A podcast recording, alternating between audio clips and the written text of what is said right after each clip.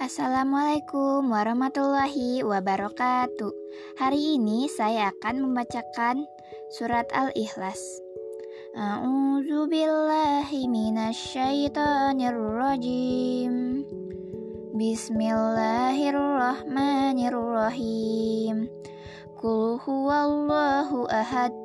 Allahus syamad lam yalid wa lam yulad wa lam yakul lahu kufuwan ahad Sadaqallahul azim Makna surat Al-Ikhlas yaitu menegaskan keesaan Allah sembari menolak segala bentuk penyekutuan terhadapnya.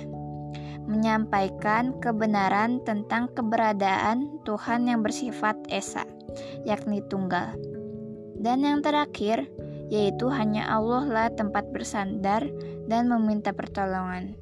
Sekian dari saya, mohon maaf apabila ada kesalahan. Wassalamualaikum warahmatullahi wabarakatuh.